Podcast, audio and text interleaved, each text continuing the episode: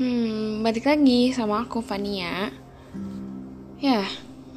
and you can call me with Bams.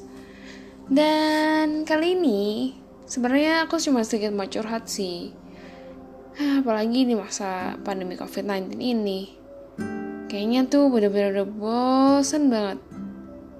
Bener-bener bosen sampai pengen banget ngehujat orang-orang yang masih ngelanggar PSBB Hah, gimana sih perasaan kalian?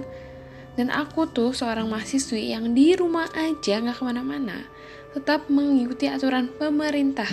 Dan teman-teman harus ingat ya, tetap ikutin aturan pemerintah, jangan melanggar. Karena kasihan banget tenaga tenaga medis kita teman-teman.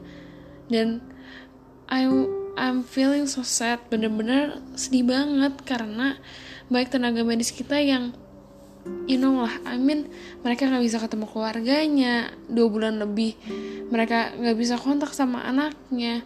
Bahkan saking mereka sedih mereka nangis tiba-tiba ketika mereka sedang melakukan tugasnya. Jadi teman-teman please banget jangan langgar aturan pemerintah ini. Kasihan banget deh beneran. Aku tahu banget teman-teman pasti masih punya hati ya semoga pandemi covid-19 ini cepat berlalu ya teman-teman. Nggak tahu sampai kapan ini akan terus berjalan. Semoga semua kembali normal kembali. Ya gitu deh teman-teman. Udah dulu deh curhatnya. Makasih ya udah dengerin podcast aku. Dah